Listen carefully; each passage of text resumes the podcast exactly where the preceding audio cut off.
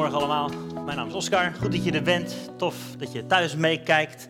Volgens mij uh, lukt het niet helemaal via YouTube, maar Facebook weer wel. kijk eventjes naar boven. Wordt hard gewerkt, jongens. Super. Dankjewel. Het is inderdaad vakantietijd. Uh, een tijd van reflecteren. Tijd van, van terugkijken. Maar ook een tijd van vooruitkijken. We hebben afgelopen week met ons kernteam uh, hier gezeten in deze zaal. Een mooie cirkel van allemaal mensen die betrokken zijn bij teams, die teams leiden.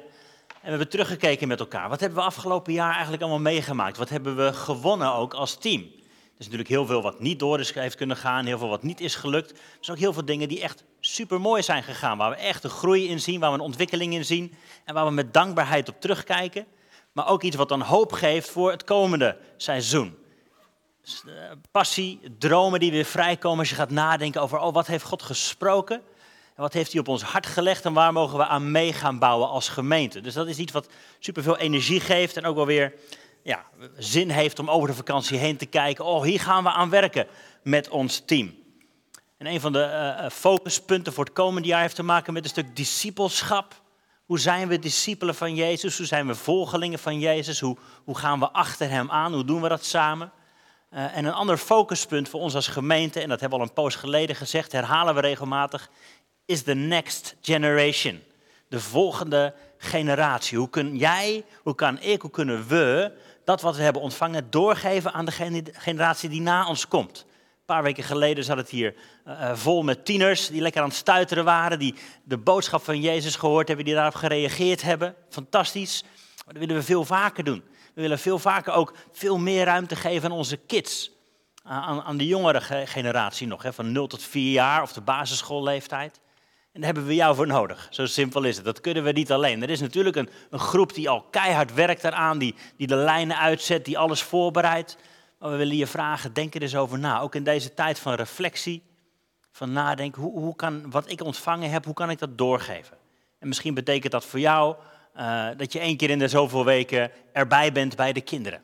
Gewoon om te helpen, om, om te stimuleren, om de kinderen te zien, om ze ook te helpen samen discipel van Jezus te worden. Misschien is het voor jou nog een stapje verder dat je denkt, ja, maar ik wil echt tijd hierin investeren. Dit is iets wat God aan me vraagt. Dus even een belangrijke oproep voor onze volgende generatie. Hoe kun je uitdelen wat je ontvangen hebt? En in het uitdelen, zul je merken, ontvang je zelf altijd veel meer. Iets om op te kouwen voor de komende paar weken. Hoe kun je doorgeven aan de volgende generatie? En daarbij hoort eigenlijk ook een andere oproep. Er zijn heel veel teams hier bezig, van koffie zetten tot camerawerk, tot de deur open doen, tot van alles en nog wat. Denk er eens over na. Hey, als dit mijn kerk is, als ik erover nadenk om hierbij op te trekken, waar kan ik mijn handen kwijt? Hoe kan ik me inzetten in deze groep mensen? Is overal wel een plekje om lekker mee te draaien. Het is ook de snelste manier om mensen te leren kennen. Zo simpel is het. Hè? Dus denk er eens over na in deze tijd van vakantie. Wat is mijn volgende stap binnen Connect Kerk. Uh, simpel zeg, simpelweg, dat hoort ook wel weer een beetje bij deel uitmaken van een kerk. Hè? Samen optrekken, samen dingen doen, op die manier ben je ook betrokken. En als ik dan zeg, dat hoort bij deel uitmaken van een kerk, dan wil ik eigenlijk weer even een stapje terug doen voordat we zo doorgaan met het thema. Uh, waarom kerk? Wie is kerk? Wat is kerk? En dan helpt het mij altijd om na te denken bij, bij deze simpele boodschap. Gods missie heeft een kerk. Natuurlijk denken wij als kerk ook altijd na, wat is onze missie, visie enzovoort. Belangrijk. Maar even een stapje terug. Gods missie heeft een kerk. De boodschap blijft, ga erop uit, maak discipelen. En ja, dat leidt tot het zijn van kerken, tot het planten van kerken, tot het deel uitmaken van kerken. Maar Gods missie heeft een kerk. En dat willen we graag als Connect Kerk ook vertalen naar het hier en nu. Wat betekent dat in Ede in 2021, in deze gekke tijd, coronatijd, en straks de post-coronatijd, als die ooit nog komt? Maar wij hebben dat op deze manier verwoord. Onze visie, als we kijken met Gods ogen naar Connect Kerk hier in Ede. Als we kijken met Gods ogen, dan zien we een groeiende kerk met gezonde discipelen. Die een passie heeft voor God, die omziet naar elkaar en die een impact heeft op de omgeving. Dat is wat we zien als we kijken naar Connect Kerk hier. Dat is wat ik geloof, dat is wat God ziet als hij kijkt naar Connect Kerk. Een groeiende kerk van gezonde discipelen. Die een passie hebben voor God. Die omzien naar elkaar en die een impact hebben op de omgeving. Dat is wat we zien als we kijken naar Connect Kerk. En dat is iets waar ik me aan wil geven. Dat is iets waar, waaraan ik mee wil bouwen. En ik hoop dat dat voor jou ook geldt. En als het hier niet is, zoek een kerk waar je wel mee kunt bouwen. Dat is waar je tot bloei komt. Dat is waar je een gezonde discipel wordt. We hebben elkaar nodig. Dat is wat we zien als we kijken naar Connect Kerk. Onze visie zo gezegd. En dat doen we natuurlijk op, op een bepaalde manier. We hebben onze, onze waarden, onze manieren daarvoor gevonden. Maar die bewegen mee met die sterke visie. We zien een groeiende gemeente van gezonde discipelen. En jou de uitnodiging, of je nou al jaren komt of misschien voor de eerste keer binnenkomt. hey, ga je mee op reis? Ga je mee op reis? We gaan samen achter Jezus aan. We willen Hem beter leren kennen. We willen Hem leren volgen. Ga je mee? Ga je mee op reis om samen discipel te zijn? Om samen het Koninkrijk van God gestalte te zien krijgen hier in deze omgeving? Zou dat niet fantastisch zijn als we dat steeds meer gaan zien? In Connectkerk noemen we dat ook wel eens boven, binnen, buiten. Die termen zul je vaak terug horen komen. We willen verbonden zijn met boven. We willen God beter leren kennen. We willen zijn stem verstaan. We willen Hem aanbidden. We willen ons richten op onze relatie naar boven. Maar daarnaast ook hoe doen we dat naar elkaar, naar binnen? Hoe zijn we familie? Hoe zijn we gezin? Hoe zijn we betrokken op elkaar? Nou, wat Joffrey net zei, zo'n zo'n Connect-dag helpt daarbij. Pas hadden we een Men Connect-dag, dat helpt daarbij. Elkaar leren kennen. Tegen een stom stokje aanslaan met boerengolf, maakt niet uit. Maar dat is hoe je elkaar leert kennen. We waren trouwens wel echt heel goed. Zo goed dat we al na vijf holes waren we eigenlijk al klaar, toch Mark? We hadden die tien helemaal niet nodig, wij, wij, wij konden dat al. Maar ook naar buiten. Hoe kunnen we naar buiten betrokken zijn? We hebben goed nieuws te vertellen. Na de vakantie in oktober, november gaan we daar naar kijken. Zeven weken lang goed nieuws. Wat betekent dat? Wat, wat is het goede nieuws van Jezus eigenlijk? En hoe geven we dat vorm? Hoe delen we dat uit? En ik vind het altijd iets engs. Hè? Hoe deel ik het goede nieuws? Ik ben niet zo van ik ga de straat op en ik ga evangeliseren. Maar hoe kan ik het wel naar mijn buurman vertellen? Hoe kan ik zeggen, dit is de hoop die in me leeft? Eerst was ik alleen, nu ben ik samen. Eerst was ik verloren, nu ben ik gevonden. Wat is de hoop die in ons leeft? Dus boven, binnen, buiten. En een andere manier om elkaar te inspireren tot discipelschap, tot het volgen van Jezus zijn, nou dat zijn dit soort diensten natuurlijk, maar dat zijn ook de preken die we hebben met elkaar. De, momenten van inspiratie waarin de Bijbel open gaat, waarin we samen nadenken, dit is wie God is. En dit is hoe we Hem leren kennen, dit is wat Hij van ons vraagt. En wat we dan vaak doen hè, tijdens deze preken is, we, vatten dat ook samen voor onze connectgroepen, voor onze kleine groepen die we door de week hebben. We zitten hier met z'n allen, groot, en thuis zitten we ook met elkaar, klein. Groot en klein in relatie, in harmonie. En op onze connectgroepen kijken we vaak terug op. Dat was echt een fantastische preek van Oscar. En nu? wat moet ik er eigenlijk mee? Of, hmm, die preek had wel wat beter gekund. Wat, wat, wat denken wij dat er in de Bijbel staat? Maar dat helpt ons, dat inspireert ons om Hem beter te leren kennen. En heel praktisch doen we dat vaak met jaarthema's. Dus je merkt, ik doe een klein beetje een aanloopje naar dit onderwerp. Dit is het verhaal van Connect Kerk van de afgelopen jaren. We zijn al een poosje onderweg, zeven jaar dit jaar. En de afgelopen jaren hebben we vaak gewerkt met jaarthema's. We, we nemen tijd om te luisteren. Heere God, wat zegt u tegen ons voor dit jaar? Wat is uw focuspunt? Waar mogen we op, op richten? Wat, wat is voor u de focus dit jaar? In 2017 was dat bijvoorbeeld koninklijke priesters. 1 Petrus 2, weet je nog? Voor de mensen die hier toen waren, daar hebben we het hele jaar naar gekeken. Verschillende invalshoeken hebben we gepakt. Wat betekent het dat God zegt, jij bent een koninklijke priester? Je bent geen slaaf van zonde, je bent een koninklijke priester. Je bent gered uit de duisternis in het eeuwige licht. Fantastische boodschappen waren dat toen. De Koninklijke Priesters 2017. 2018 hebben we gekeken naar, dit is de wedloop uit Hebreeën. Loop de wedloop. Hou vol, geef niet op, maar ook heb een doel, heb een focus. Hou je ogen gericht op Jezus. En er is een overwinning die klaar ligt voor je. 2018 de wedloop. 2019 hebben we gekeken naar de wijnstok en de ranken. Weet je nog, we willen vrucht dragen. We willen groeien in ons leven met Jezus. We willen alles wat Hij voor ons heeft gestalte zien krijgen in ons leven. Vrucht dragen. Maar dat kan alleen als we verbonden zijn in Hem. Als we in Jezus blijven. Uit onszelf, zegt Jezus, kun je niks. in jezelf kun je niks doen. Maar met Hem draag je veel vrucht en verheerlijk je de Vader. En vorig jaar, meer in dat gekke start van coronatijd, zijn we wel bezig gebleven met, met handelingen 1. U zult kracht ontvangen als de Heilige Geest op je komt. En je zult mijn getuige zijn Dat deden we vaak aan de hand van het verhaal van Jozua. Weet je nog? Land innemen. God heeft een stuk grond, een stuk land voor ons klaar liggen. Dat willen we innemen met elkaar. Dat heeft ook te maken met discipelschap. Je land innemen. Dat waren de afgelopen jaren zo eventjes in een vogelvlucht. Dat je weet, oh, Connect, komt ergens vandaan. We hebben een verhaal, we hebben een manier waarop we samen discipelen willen zijn. En dit jaar is ons jaarthema, wij eren de naam van de Heer. Wij eren de naam van de Heer. Een soort van banner die je omhoog houdt, hè? een banier. Dit is een soort van oorlogskreet, maar dan op een liefdevolle manier. Dit is wie we zijn.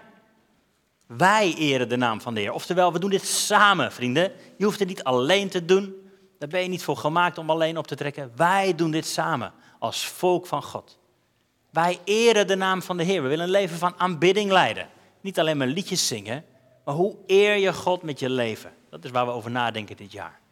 En als laatste de naam van de Heer. We hebben er al een serie over gehad. De naam van de Heer. Dat is iets waar we telkens weer bij terugkomen. Dit is wie we eren. We willen Hem beter leren kennen. Dus dit jaar, wij eren de naam van de Heer. En we hebben, dat doen we dan aan de hand van verschillende series. Hè, vier, vijf weken dat we nadenken over een thema. We zijn begonnen met dankbaarheid. Weet je nog? Een serie over dankbaarheid. Dat is hoe we het jaar wilden beginnen. We wilden niet alleen maar terugkijken met verdriet en balen en jammer en moeilijk op het afgelopen jaar. Nee, we zijn dankbaar dat God erbij was. Ook in de moeilijke tijden. We zijn dankbaar voor alle dingen die we hebben ontvangen. Dankbaar voor alle dingen die we hebben uit kunnen delen. Dat is hoe het jaar zijn begonnen. In februari keken we naar, met een mooie titel, Heb je even voor mij? Heb je even voor mij? Met een knipoog natuurlijk naar Frans Bauer, maar heb je even voor mij? Tijd nemen voor God, tijd nemen voor gebed, tijd nemen om te vasten op je eigen manier. Heb je even voor mij? We hebben gekeken naar de namen van God. Het Oude Testament staat vol met namen waarmee God zichzelf bekend maakt.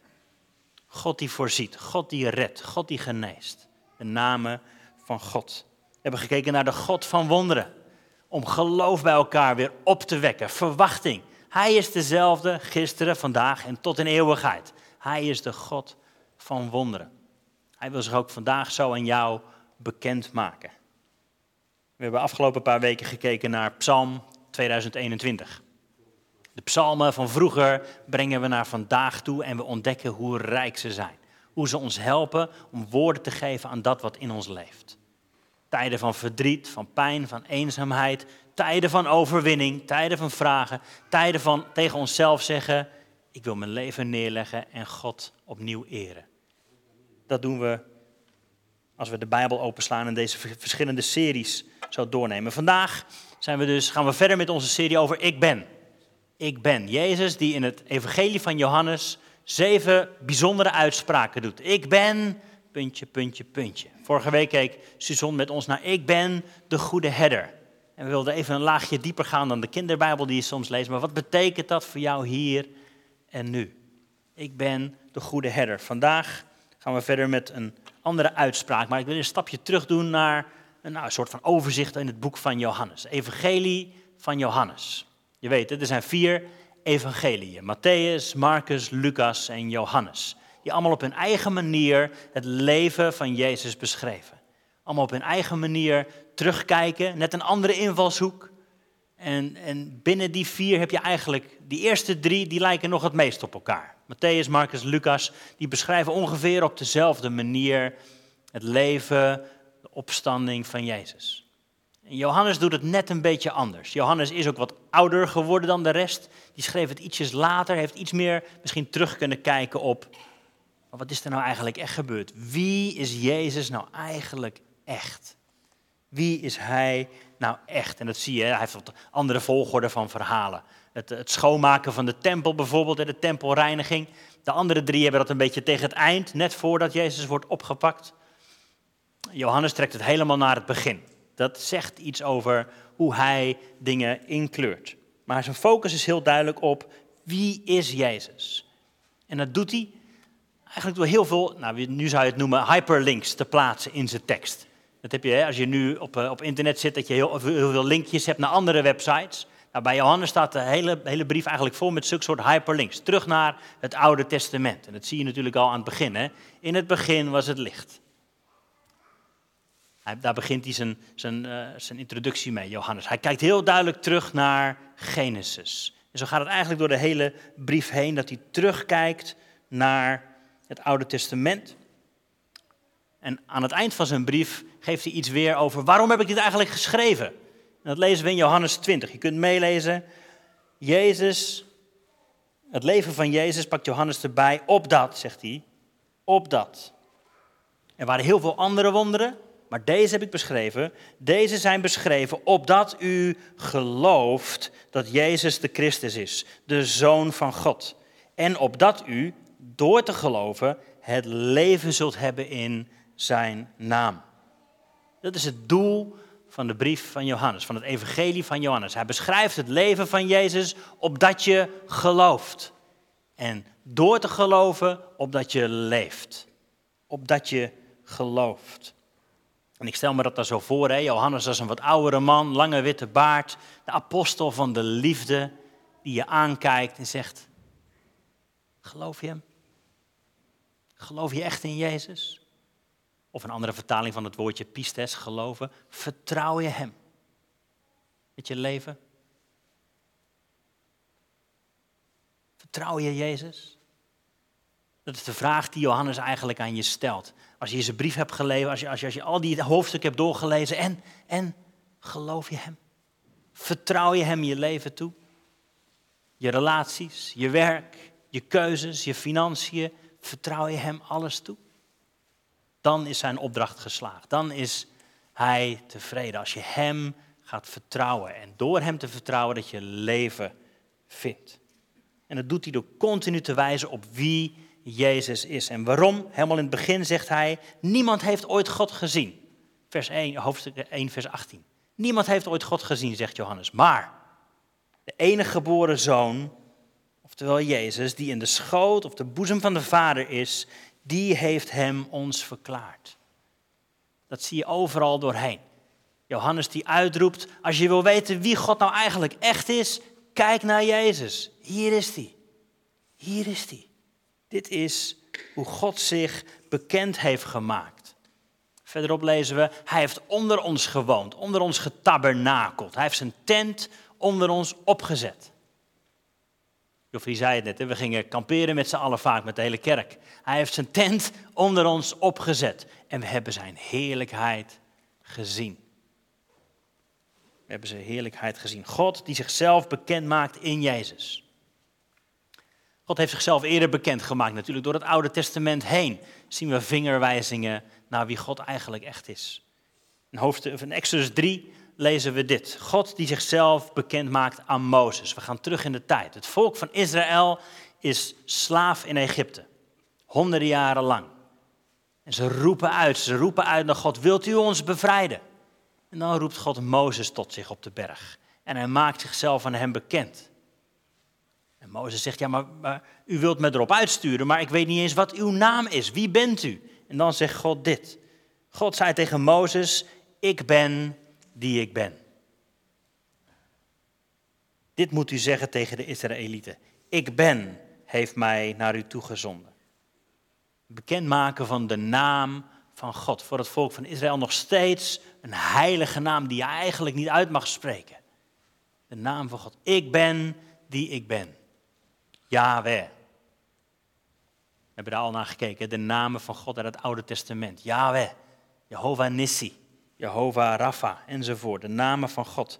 In, het, in de Griekse vertaling van het Oude Testament staan daar, staat daar niet Yahweh, staan er twee andere woorden, namelijk ego, aimi. Ego, aimi. Dat is de Griekse vertaling van ik ben die ik ben. Ik ben die ik ben. Nou, Johannes pakt die Griekse woorden, hij schrijft zijn evangelie natuurlijk in het Grieks, hij pakt die Griekse woorden als hij het beschrijft, wie is Jezus? Dan opnieuw zo'n hyperlink, dan weet iedereen waar het eigenlijk echt over gaat. Dit is hoe God zichzelf bekend maakt. En Johannes pakt die woorden en legt ze op Jezus. Hij zegt, dit is wie God eigenlijk echt is. Hij gebruikt die woorden 23 keer op heel veel verschillende manieren. Ik noem er een paar. Hoofdstuk 4, vers 26. Dan komt Jezus bij de put, bij die Samaritaanse vrouw. En ze zegt, ja, maar wij, wij verwachten de Messias. We verwachten de Messias. En Jezus zegt, ego eimi. Ik ben die ik ben. En dat verandert haar leven totaal. Ze rent naar haar dorp terug en het hele dorp komt tot geloof, tot bekering. Door die woorden van Jezus. Ego eimi. Ik ben die ik ben. Of later, als Jezus op het water wandelt, hoofdstuk 6. er is een storm, de discipelen zijn bang, ze zien Jezus lopen, ze worden nog banger. En hij zegt, ego eimi. Yahweh, hier ben ik. Ik ben die ik ben. Opnieuw een vingerwijzing naar dit is wie God is. Jezus is God. En dat wordt misschien wat meest duidelijk in hoofdstuk 8. Dan is er een soort van woordenwisseling, zou je kunnen zeggen, tussen de fariseeën, de strenge bijbelgeleerden, en, en Jezus. En ze hebben het over Abraham. En Jezus zegt, joh, ik heb Abraham gezien, hij heeft mij gezien. En ze zeggen, ja, maar je bent nog geen 50 jaar. Hoe kan dat dan? En dan zegt Jezus, voorwaar, voorwaar, ik zeg u, voor Abraham geboren was, ik ben. Voor Abraham geboren was, ego, I me. Het is natuurlijk een beetje een rare, rare zin en dat klopt, want het klopt taaltechnisch misschien ook niet. Maar daarmee maakt Jezus heel duidelijk een punt. Johannes die beschrijft het op zo'n manier dat het heel duidelijk wordt. Hier staat, ik ben die ik ben voor je. En dan lees je verderop dat de Joodse geleerden dat niet zo goed konden pakken. Ze konden wel stenen pakken en ze wilden hem stenigen. Ze werden boos. Jezus die zichzelf bekend maakt als God. Nou, in deze serie, en dat kun je thuis natuurlijk ook op je gemakje doen, lezen we die zeven uh, woorden waarmee Jezus zich bekend maakt. Hè? Hoofdstuk 6 staat, Jezus zegt, ik ben het brood des levens. Hoofdstuk 8, ik ben het licht van de wereld. Hoofdstuk 10, ik ben de deur voor de schapen. Ik ben de goede herder. Ik ben, hoofdstuk 11, de opstanding en het leven. Ik ben de ware wijnstok. Allemaal beelden die jij en ik gelukkig ook kunnen snappen. Die onze kinderen, die onze tieners ook kunnen snappen. Jezus die zichzelf bekend maakt als ego eimi, als de Yahweh, als de Heer der Heren. Dit zijn beelden uit ons dagelijks leven. En vandaag gaan we lezen hoofdstuk 14, waarin Jezus zichzelf ook op zo'n manier bekend maakt. Hoofdstuk, hoofdstuk 14 vanaf vers 1 tot 7. Jezus begint hier. Hij heeft net gezegd, de haan zal niet kraaien voordat u mij driemaal verlogend zult hebben. Hij heeft het hier tegen Petrus die hem zou verraden. Maar laat je hart niet in beroering raken. U gelooft in God, geloof ook in mij. Mooie eerste zin, hè? Laat je hart niet in beroering raken. Wees niet al te overdonderd door alle dingen die je kunnen overkomen, door alle domme dingen die je zelf gaat doen. Laat je hart niet in beroering raken. Geloof in God. Vertrouw op Hem. Vertrouw op mij. In het huis van mijn vader, zegt Jezus, zijn veel woningen. Als het niet zo was, zou ik het u gezegd hebben. Ik ga heen om een plaats voor u gereed te maken. En als ik heen gegaan ben en plaats voor u gereed gemaakt heb, kom ik terug en zal u tot mij nemen. Opdat ook u zult zijn waar ik ben. En waar ik heen ga, weet u, en de weg weet u.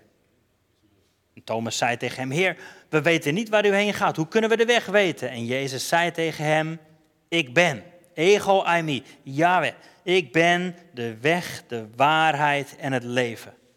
Niemand komt tot de Vader dan door mij. Als u mij gekend had, zou u ook mijn vader gekend hebben. En van nu af kent u hem en hebt u hem gezien. Jezus die dit zegt, ik ben de weg, de waarheid en het leven. Het zijn drie dingen, denk ik, waar we allemaal naar op zoek zijn. Een stuk richting. Wat moet ik doen? Hoe moet ik het doen? Waar ga ik eigenlijk naartoe? Hoe, wat is het doel met mijn leven? een stuk richting waar we naar op zoek zijn. De weg, de waarheid, waar we allemaal naar op zoek zijn. Wat is nou eigenlijk nog echt? Zeker in deze tijd van allerlei theorieën die je hoort om je heen. Wat is nou eigenlijk nog echt? Wat is waarheid? En als laatste het leven. Wat heeft nou eigenlijk echt blijvende waarde? We weten dat heel veel dingen om ons heen verdampen. Geld kan zomaar in één keer waardeloos zijn. De carrière waar, je jarenlang aan hebt gebouwd, kan in één keer onder je voeten vandaan gemaaid worden. Relaties waarvan je dacht, dit blijft tot een eeuwigheid, kunnen in één keer stopgezet worden. Wat heeft nou eigenlijk echt eeuwigheidswaarde? En dan zegt Jezus dit. Ik ben de weg, de waarheid en het leven. Dit is misschien een beetje net als wat Suzanne zei vorige week. Hè. Dat is zo bekend ja, dat je het bijna als een Donald Duckie gaat lezen. Doe je dat ook wel eens? Dat je er zo overheen scant en uh, huppakee door naar de volgende. Als je hier een poosje bij stilstaat, dan denk je misschien wel net zoals C.S. Lewis dat deed. C.S. Lewis, geleerd, super slim, een atheïst, die zei, ja, maar als hij dit zegt, dan is hij of gek of God. Er is geen tussenweg. Als Jezus dit over zichzelf zegt, ik ben de weg, de waarheid en het leven, dan is hij of gek of hij is God. Uiteindelijk heeft C.S. Lewis is hij tot de conclusie gekomen, hij moet God wel zijn. Hij is de weg, hij is de waarheid, hij is het leven.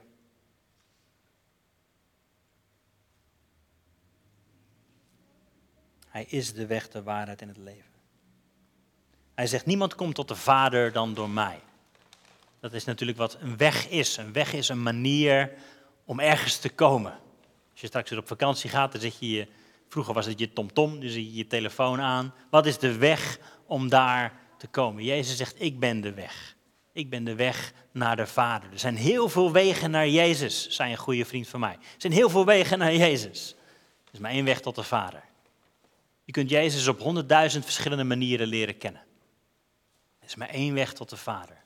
En dat is door Jezus. Ik weet niet welke weg jij allemaal gekozen hebt.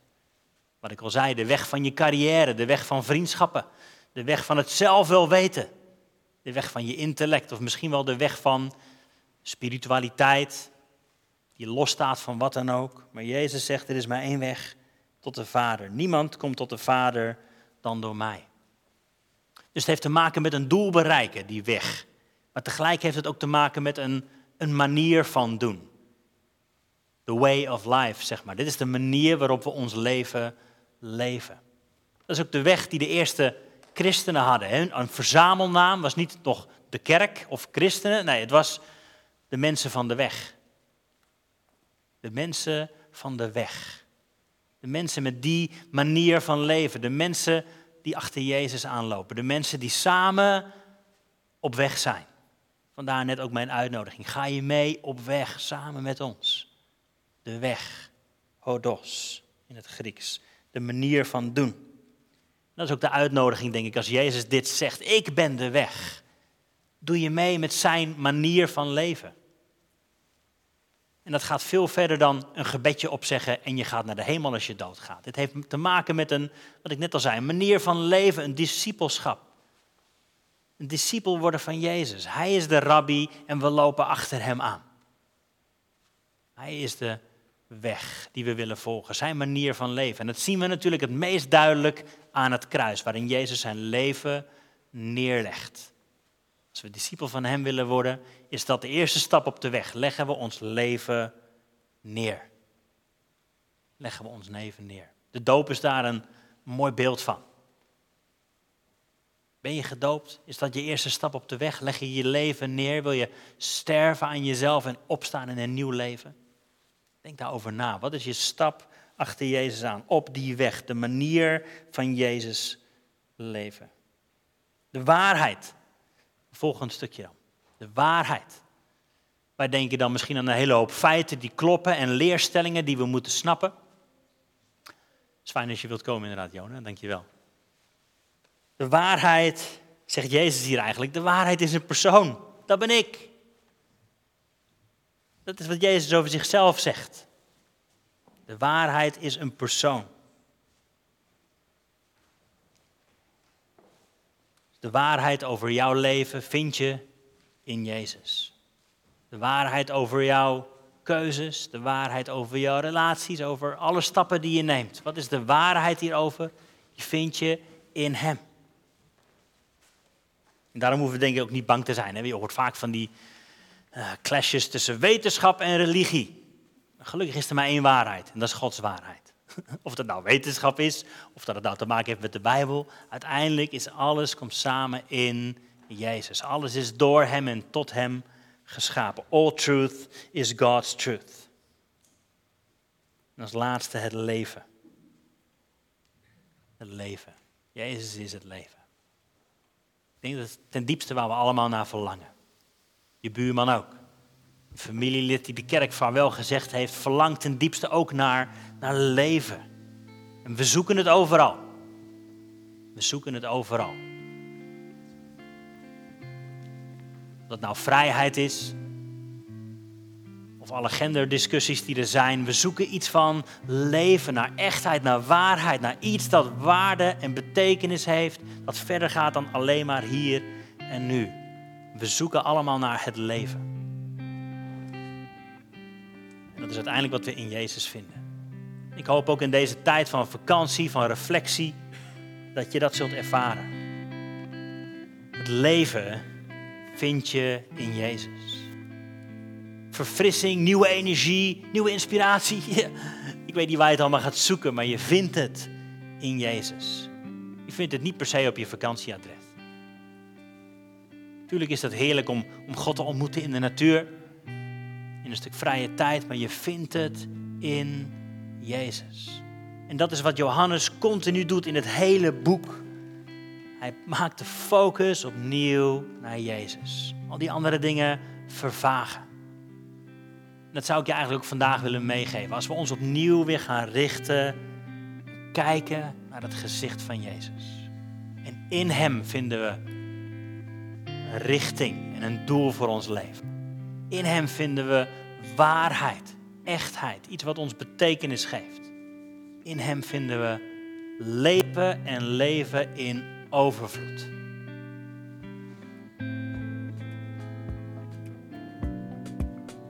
In Hem vind je leven in overvloed.